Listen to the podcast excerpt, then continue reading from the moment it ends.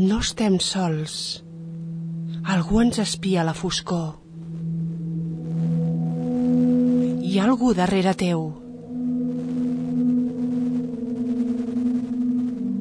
Se sent una veu d'origen misteriós.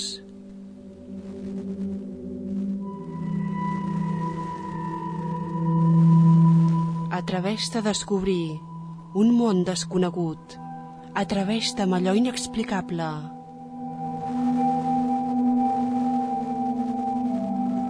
Arcanum, divendres de 8 a 9 del vespre, al 107.7 FM, Ràdio Nova.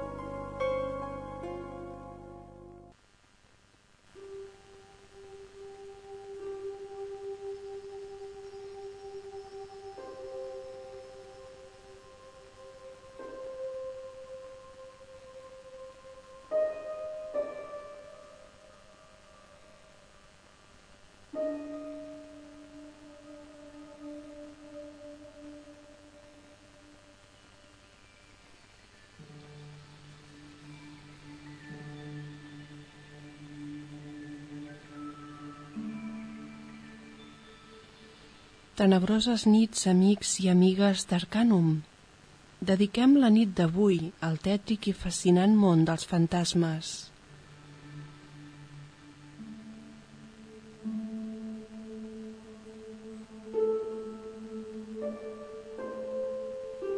Ens endinsarem en diferents casos i en situacions terrorífiques on veiem que és possible un més enllà.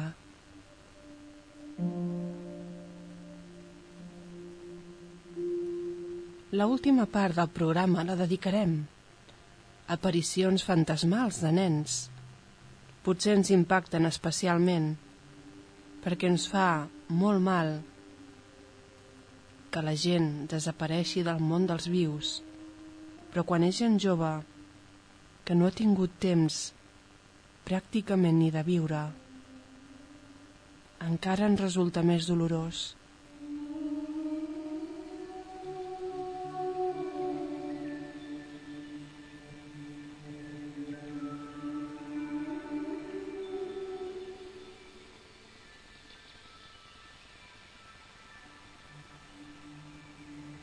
Començarem per anar al segle XIX per conèixer els experiments telepàtics del general alemany Wesermann durant les campanyes napoleòniques.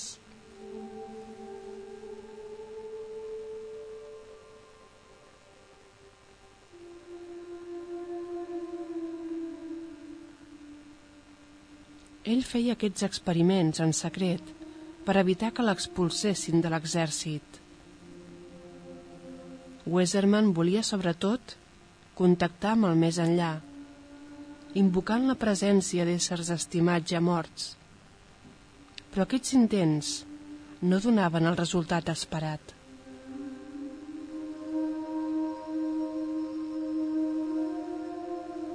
Weserman va seguir insistint amb els experiments, esforçant-se cada vegada més i contactant amb militars com ell, però que ja estaven morts.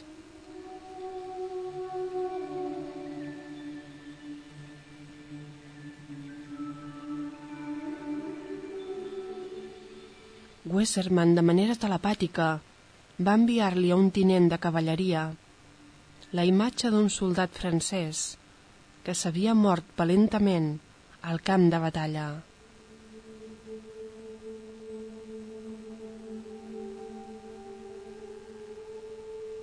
Al cap de cinc minuts es va sentir un crit i una descàrrega. El tinent havia disparat contra un ombra, creient que era un enemic infiltrat entre les línies prussianes.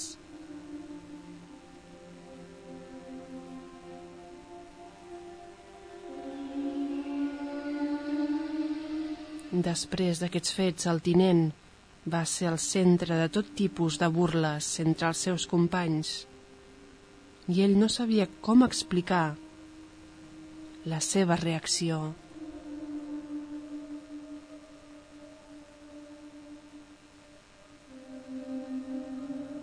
Llavors Weserman li va demanar que vingués i li va explicar l'experiment, tranquil·litzant-lo i destacant que calia mantenir en secret aquests experiments telepàtics que ell estava provant.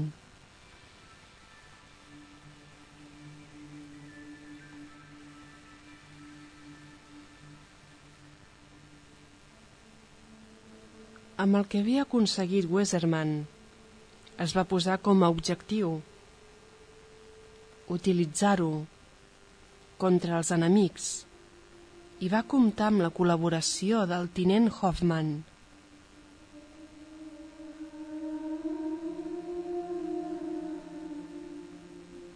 Els prussians sabien que estaven en desavantatge davant les tropes napoleòniques, però amb la telepatia, com a nova arma, potser podrien vèncer.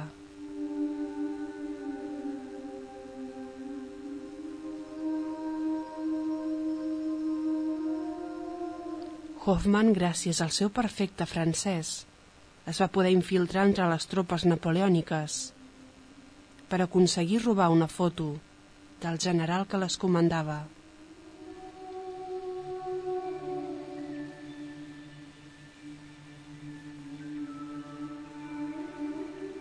Va tardar tant en completar aquesta missió que es creia que s'havia mort. A més a més, Hoffman tenia fama de covard però per fi el tinent va tornar.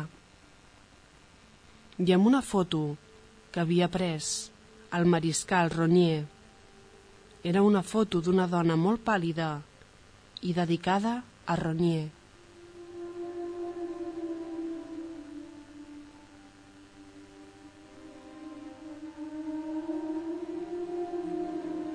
Weserman va felicitar Hoffman i va treballar en enviar-li a l'enemic la imatge d'aquella dona. Era difícil, perquè la distància de quilòmetres ho complicava tot més.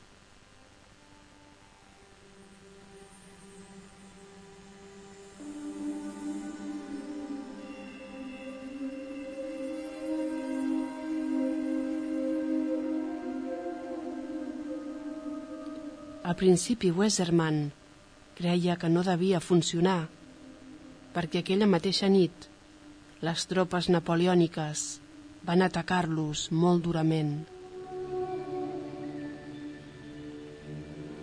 Els soldats, a més a més, van fer 20 presoners, entre ells a Weserman i a Hoffman.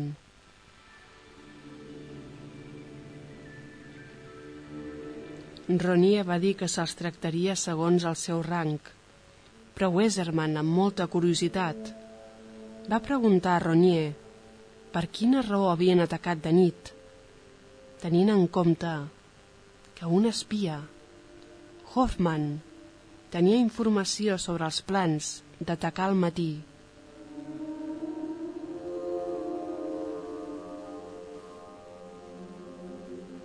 Ronier va demanar que els deixessin sols i va confessar que la nit passada, mentre feia els plans d'atac, va viure una experiència inexplicable, una estranya visió que ho va canviar tot.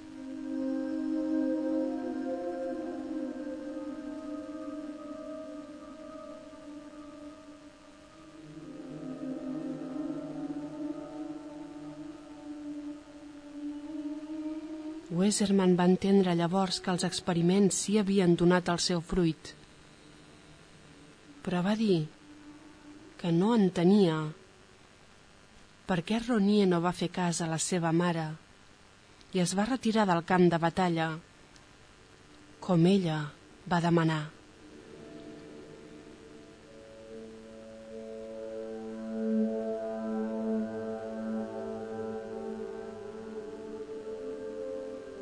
Ronier no entenia el que estava sentint. Com podien saber-ho ells? Efectivament se li havia aparegut la seva pròpia mare.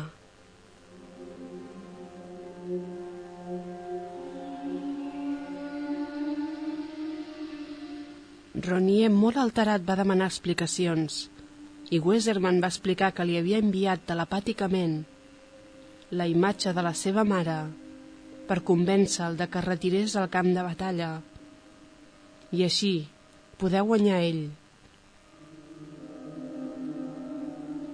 Però no entenia per què Ronier no li havia fet cas a l'aparició de la seva mare.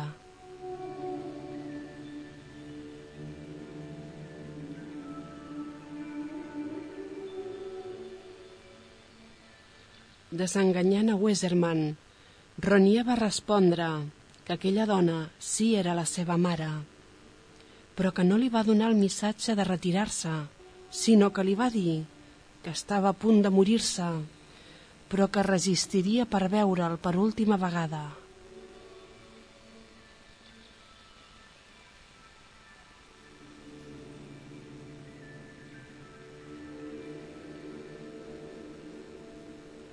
D'aquesta manera, Ronier va decidir atacar el més aviat possible.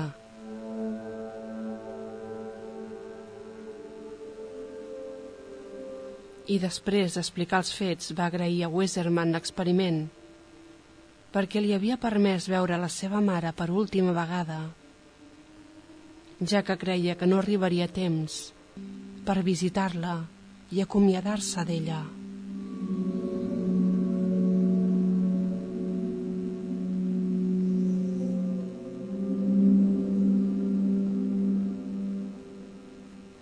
Després va condemnar mort a Wesenman i els altres presoners per protegir-se dels experiments telepàtics.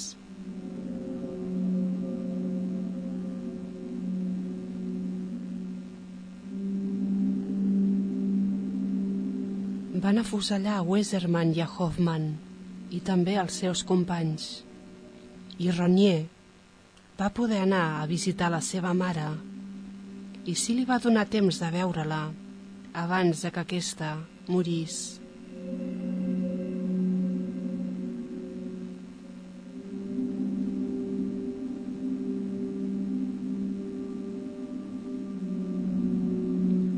La relació entre ells dos havia tingut més força que els experiments de Weserman i aquests es van posar en contra de qui els practicava.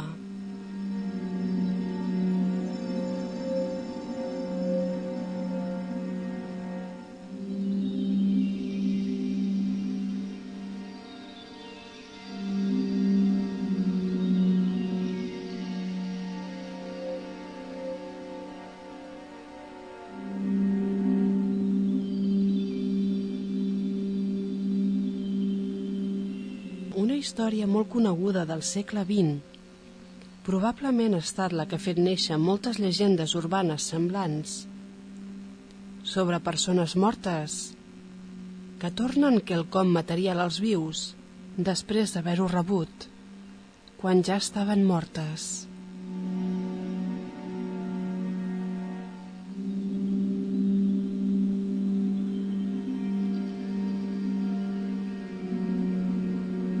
El següent cas va passar a Bolònia, Itàlia.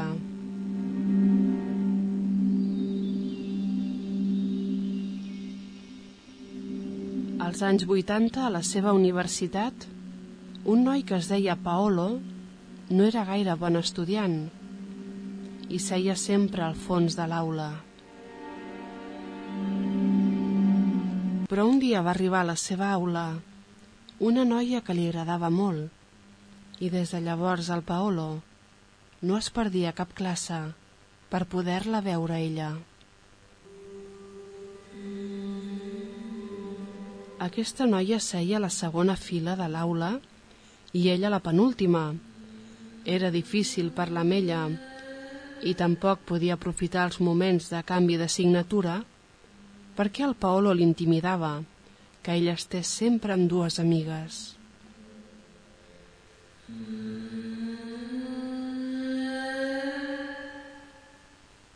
Però un dia el Paolo va decidir seure el més a prop possible d'ella i intentar parlar-li.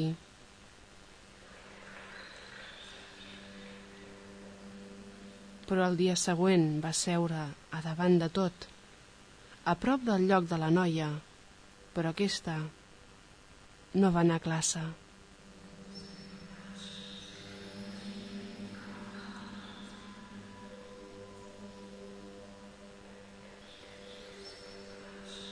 Llavors el Paolo va sentir una conversa de les seves amigues, descobrint així que la noia estava malalta.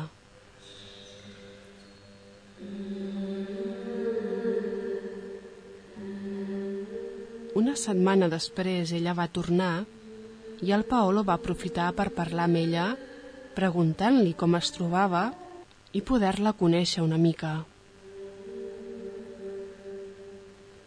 Ella va dir que es deia Luca Rambani i de pas li va demanar un favor. Va demanar que li deixés els apunts de sociologia dels dies en què havia estat malalta. El Paolo no va dubtar-ho i li va deixar els apunts. Van presentar-se formalment. Van intercanviar noms i números de telèfon. El Paolo es va fer il·lusions veient que ja havien trencat el gel i que tornarien a parlar, encara que fos només perquè ella li tornés els apunts.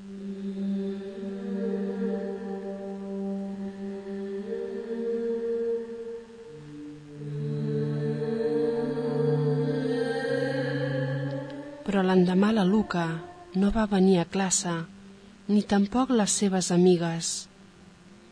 Durant tota la setmana, el Paolo no en va saber res i va decidir trucar a la Luca per preguntar-li si estava bé i demanar-li els apunts.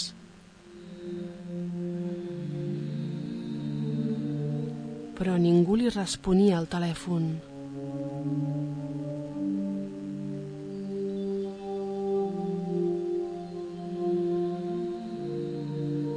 Aviat tocava examen i el Paolo va haver de demanar els apunts a un company per poder estudiar.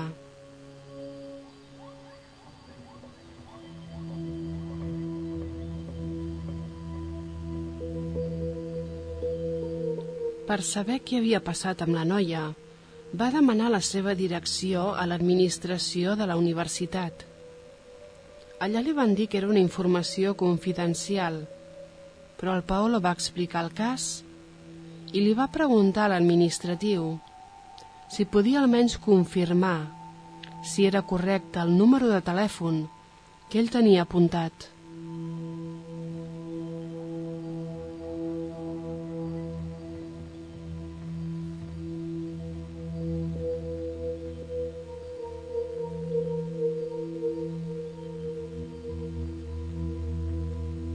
L'administratiu li va confirmar que el número era correcte però li va dir que aquella noia no tornaria a la universitat perquè s'havia mort en un accident de trànsit feia dos mesos.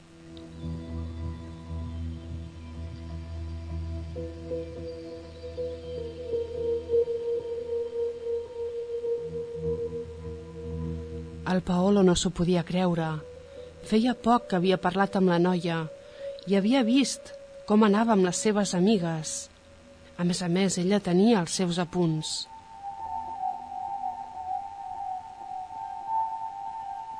Va començar a preguntar per aquestes noies als seus companys.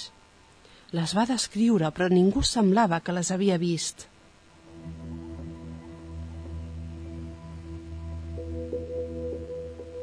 El Paolo va començar a pensar que s'estava tornant boig.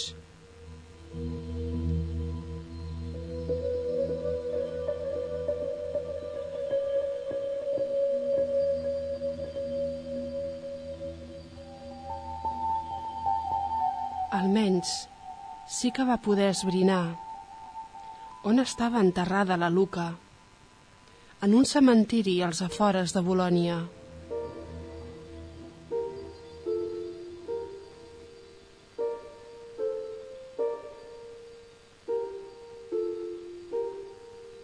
Va anar cap a la tomba de la noia, observant la seva fotografia amb els ulls plens de llàgrimes. Molt trist. Va estar dies a la residència d'estudiants, sense voler parlar amb ningú. Sentia profundament aquella mort, però també patia, perquè no entenia que ell hagués parlat amb la noia quan aquesta, segons les dates, ja feia dies que s'havia mort.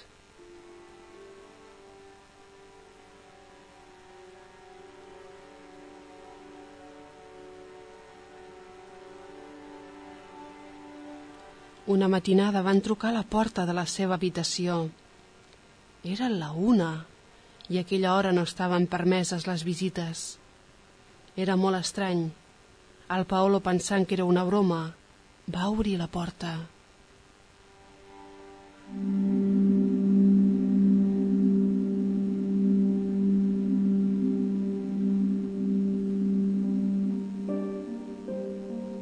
Es va quedar parat Allà davant hi havia la Luca. Estava radiant i somreia molt feliç. Li va tornar els apunts, li va fer un petó i va marxar.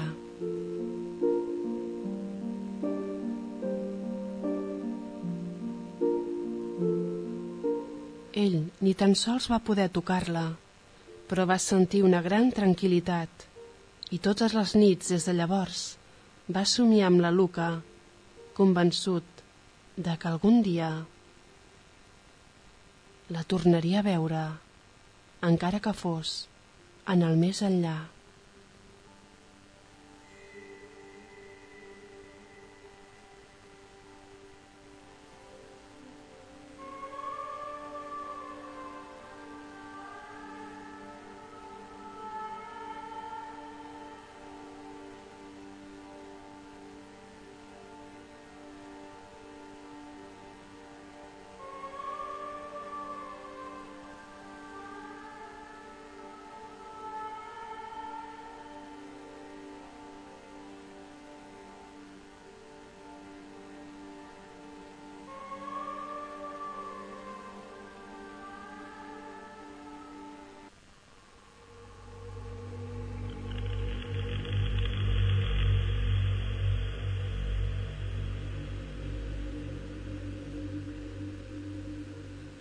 Anem ara al poble Telekomstai.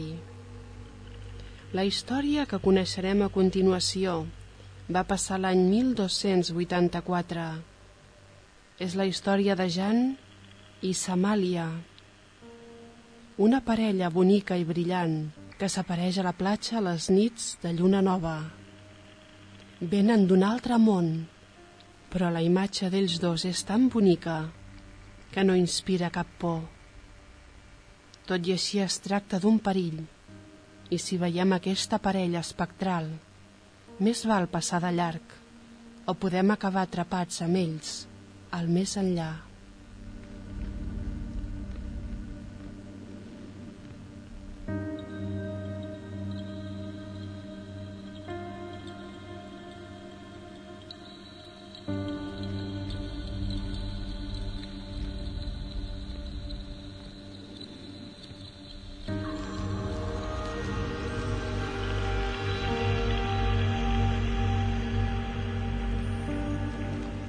El Jan i la Samàlia van ser parella durant més de 10 anys. El Jan era mariner i la Samàlia era mestressa de casa. Ella sovint brodava i cantava al costat de la finestra, on podia veure arribar el vaixell del seu estimat.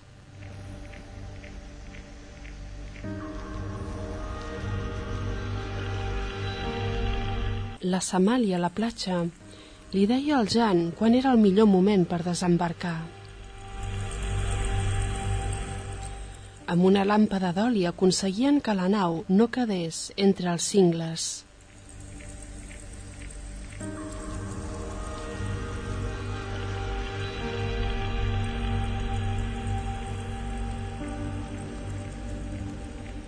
Una nit del 14 d'abril de 1285 hi va haver una terrible tempesta i les dones del poble es van refugiar a l'església on la campana anava sonant per orientar els homes que havien d'arribar en vaixell.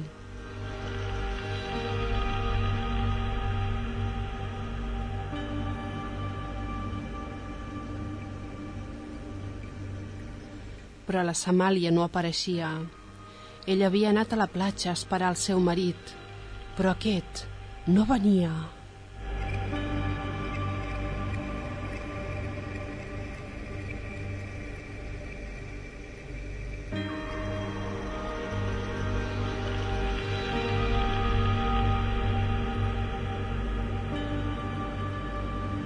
Al matí va poder veure com venia una embarcació plena d'homes esgotats per la tempesta, però només eren sis dels catorze que havien marxat.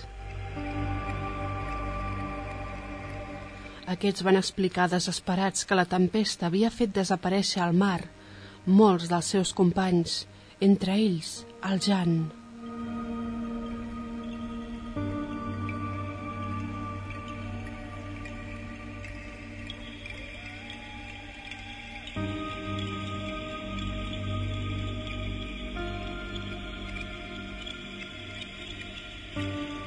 Samàlia va estar tot un any aïllada, trista, només pensant en el Jan.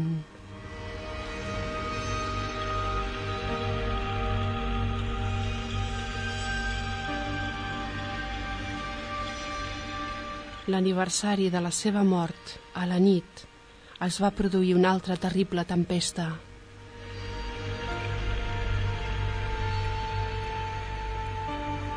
La Samàlia no podia dormir pel soroll i pels records.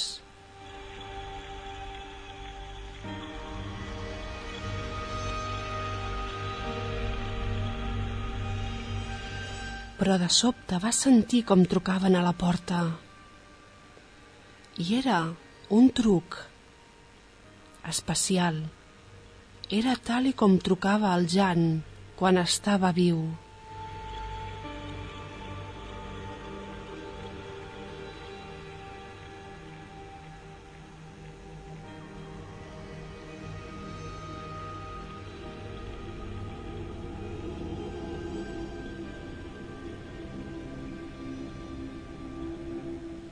A l'obrir la porta, allà el va veure. El Jan estava allà.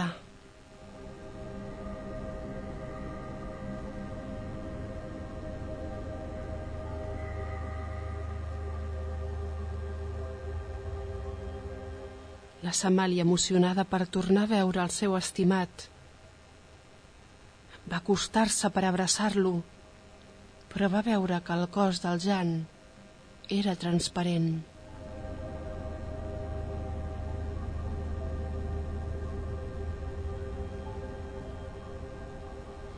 Ell li va explicar la tempesta on va perdre la vida i que el seu últim pensament va ser per ella.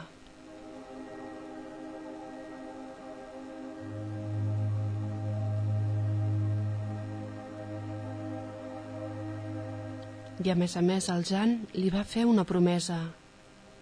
Si en cada nit de lluna nova ell anava a la platja amb una torxa, ell tornaria per veure-la fins al dia que es retrobessin al més enllà.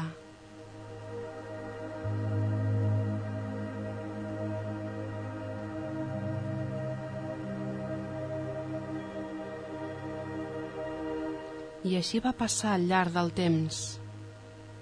Cada nit de lluna nova, la parella es trobava a la platja, però la gent del poble veia la Samàlia cada vegada més afectada per una estranya febre sense remei.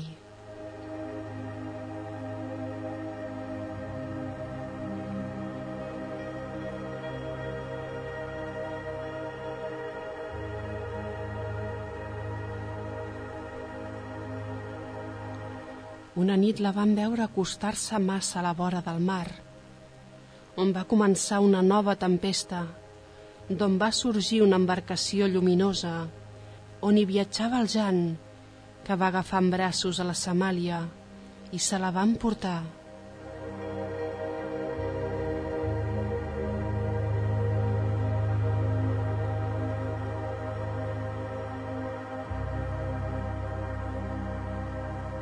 I des d'aquell dia, cada nit de lluna nova, en què la mar està especialment agitada, es veu a la distància una embarcació lluminosa.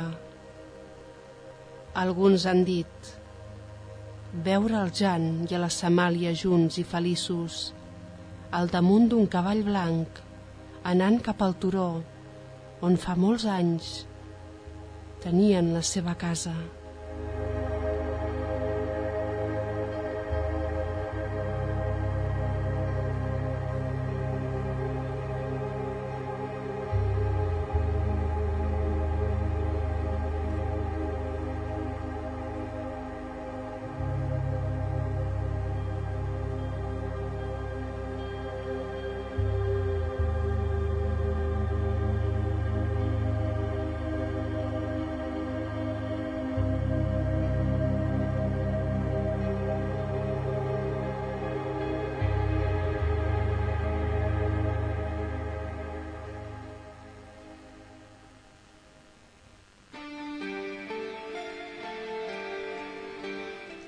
Aquella llum estranya al cel no és Venus, i aquella veu a la foscor no és fruit de la teva imaginació.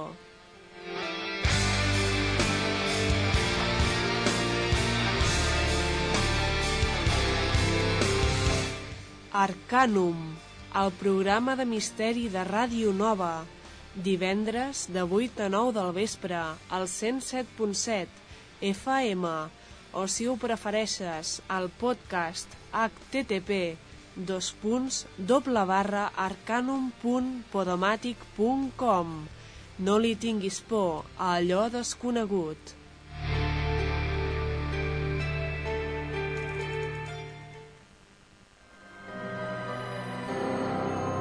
Una casa amb un terrible secret.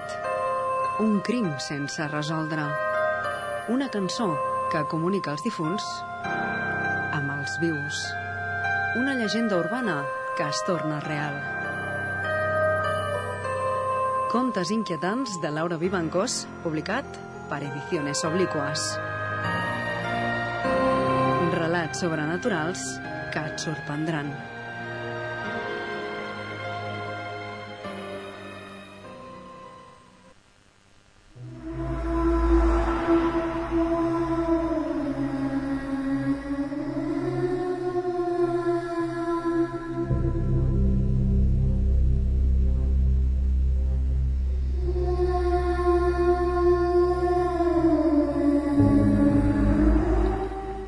Ens endinsem ara al món dels esperits més infantils, en les històries d'aquells nens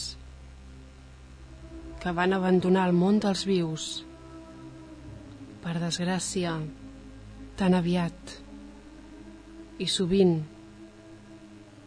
en unes condicions tan tràgiques que els llocs han quedat marcats i ells no han pogut marxar.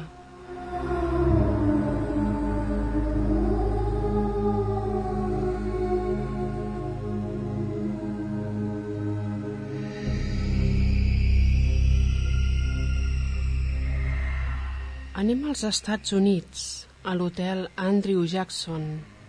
Al segle XIX, un incendi va destruir l'edifici i va morir molta gent, entre ells alguns nens.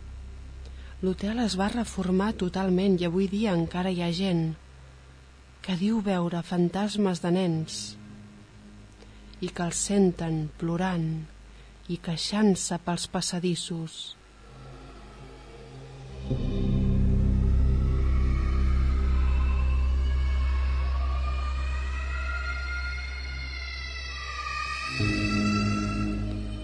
A l'Idal Morton Hall, a Cheshire, Anglaterra, hi ha bastanta activitat paranormal.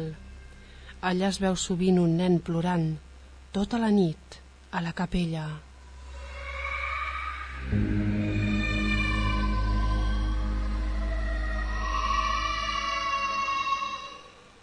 I un tipus de fantasma molt conegut i freqüent és el nen radiant. Aquest fenomen dels nens radiants és l'estrany cas de nens que apareixen nus i envoltats de flames. Normalment aquestes aparicions porten la desgràcia.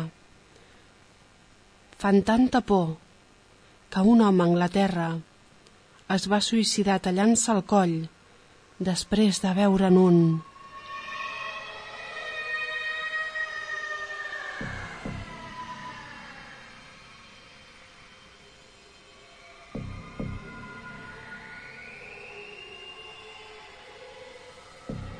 I a Pennyland Hall, a Gales, hi ha una mansió on viuen els fantasmes d'un nen i una nena. Sovint miren per la finestra i algunes persones els han fotografiat.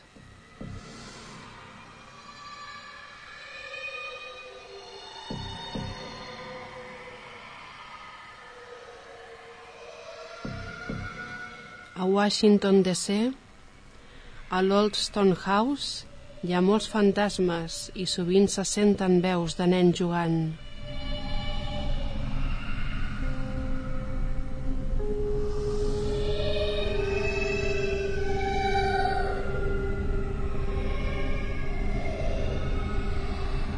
I ara un clàssic, l'autoestopista fantasma o la noia de la curva. A Niles Canyon, a Califòrnia, s'apareix una noia molt jove amb un vestit de graduació a un costat de la carretera. Algunes persones l'han convidat a pujar al cotxe, a acompanyar-la a algun lloc, però ella desapareix poc després.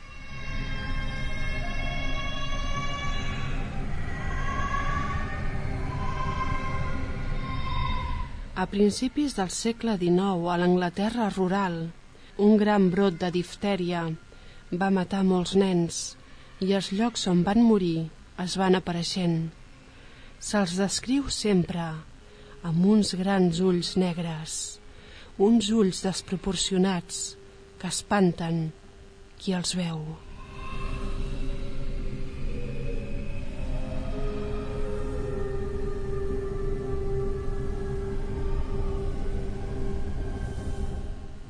L'Spy House, construïda al segle XVII per Thomas Whitelock, és un lloc on s'apareixen sovint, jugant al jardí, uns nens vestits d'època.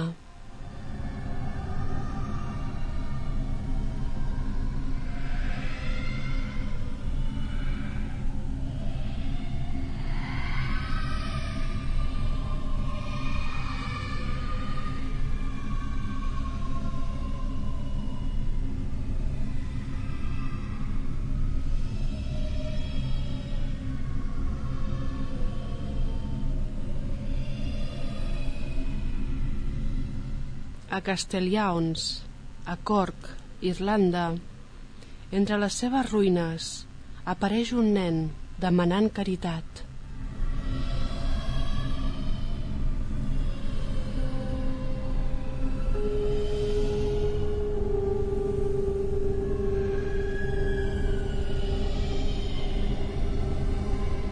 I seguim a Irlanda, per explicar una anècdota que va viure el poeta William Butler Yeats.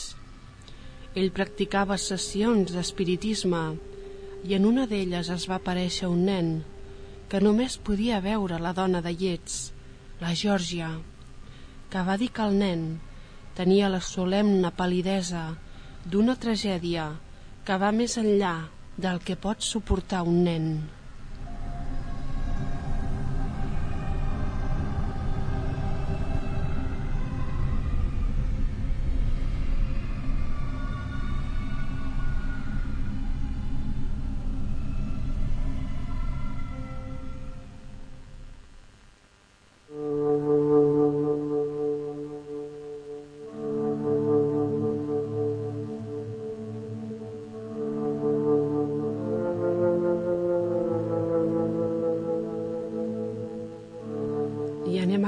Famós far de Florida, el far de Sant Agustí, molt visitat per turistes, però també marcat per fenòmens paranormals. L'home que treballava allà va caure mortalment mentre pintava la torre i des de llavors s'apareix contemplant el paisatge. Però el lloc està marcat per una altra tragèdia. Tres nenes viatjaven jugant en un carro que es va trencar i elles van caure al mar, ofegant-se.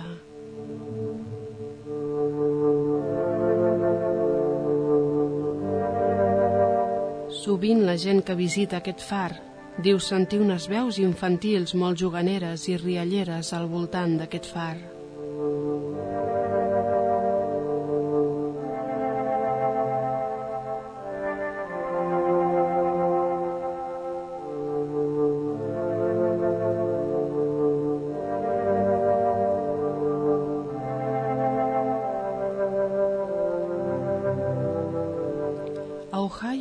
Terrible història de l'orfenat Gore a Vermilion, que es va cremar al segle XIX. No està clar qui va produir l'incendi, però es creu que va ser provocat. O bé va ser obra d'un treballador descontent o del mateix propietari. Es creu que l'objectiu d'aquest era cobrar l'assegurança.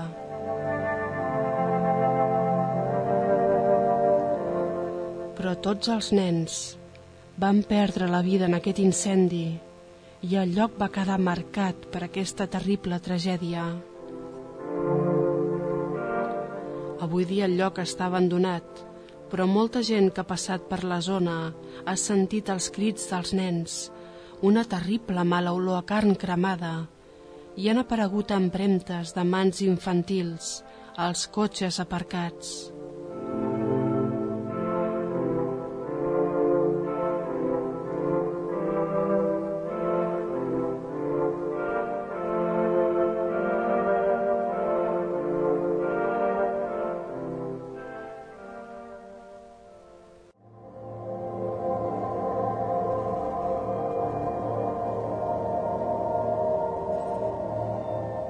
Seguim ara amb orfenats, on es concentra la tristesa d'infants sense família i, en el pitjor dels casos, víctimes de maltractaments.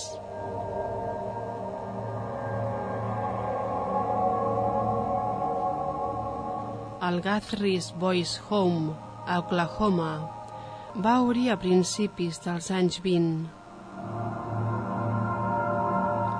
Un dels seus treballadors es va suïcidar al campanar i una treballadora, que era infermera, va maltractar i matar alguns nens.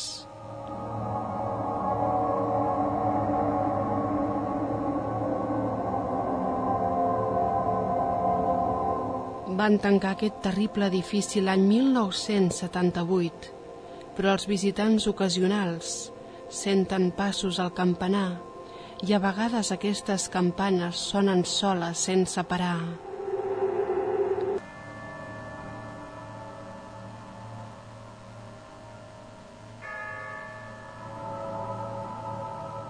També se senten crits de nens i el fantasma d'una criada s'amaga a l'entrada principal.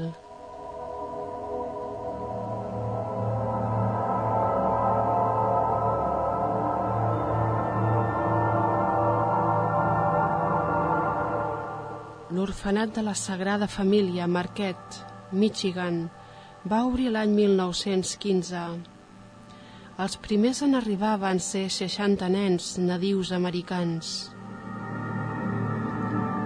Molts d'ells no eren orfes. Terriblement els havien separat de les seves famílies per integrar-los a la força, a la cultura blanca.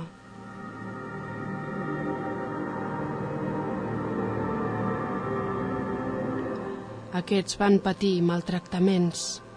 A una nena, fins i tot, la van castigar per desobedient, deixant-la fora quan feia molt fred i aquesta va acabar morint de pneumònia.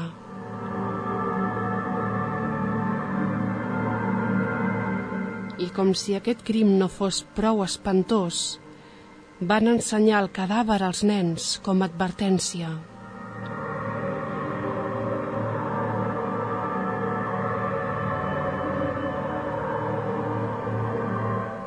Van tancar aquest lloc infernal l'any 1965, però encara s'hi senten gemecs i s'hi veuen fantasmes.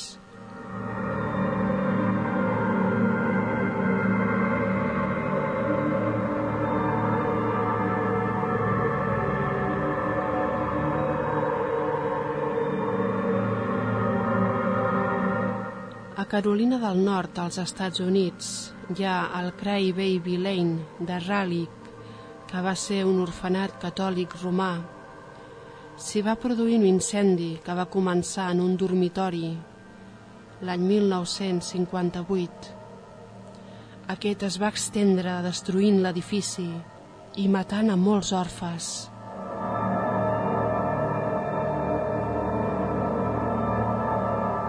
Mesos després la gent seguia notant mala olor de fum i també una espantosa sensació d'asfíxia i se sentien crits de nens.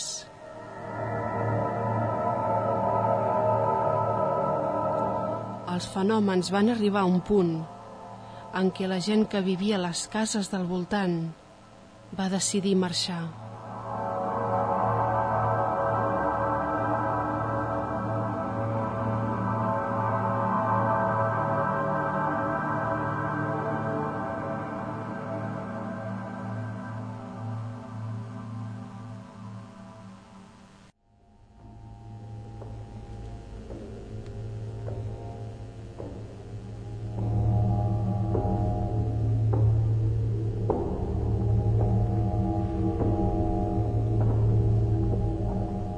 Són aquestes històries dramàtiques de nens i nenes que van patir la brutalitat d'adults perversos i covards que es dedicaven a atacar els més dèbils i desprotegits.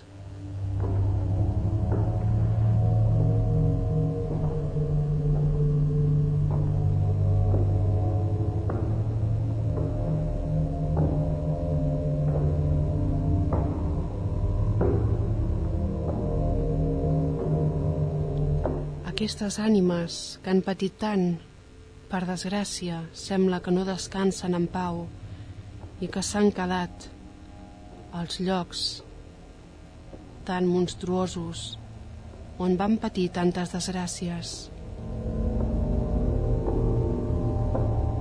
Qui sap, potser algun dia es podran alliberar.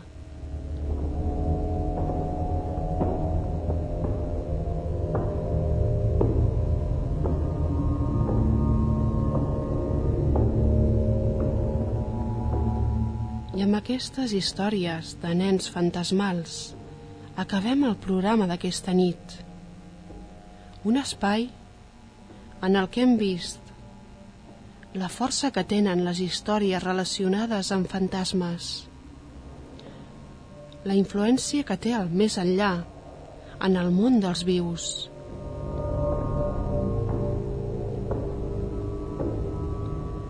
És una figura impactant la del fantasma.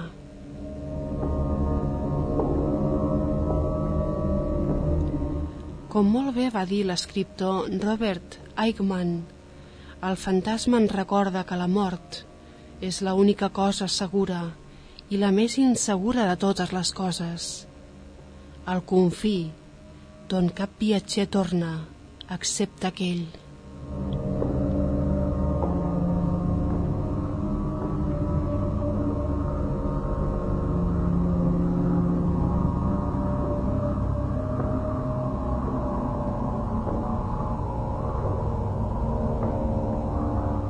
Amb aquesta fosca reflexió acabem el programa d'aquesta nit.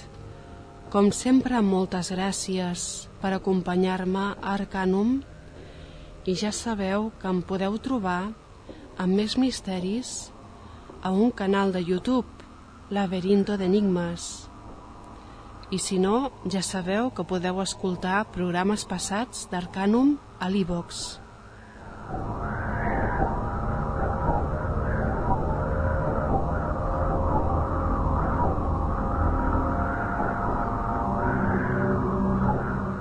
Tingueu una molt bona nit.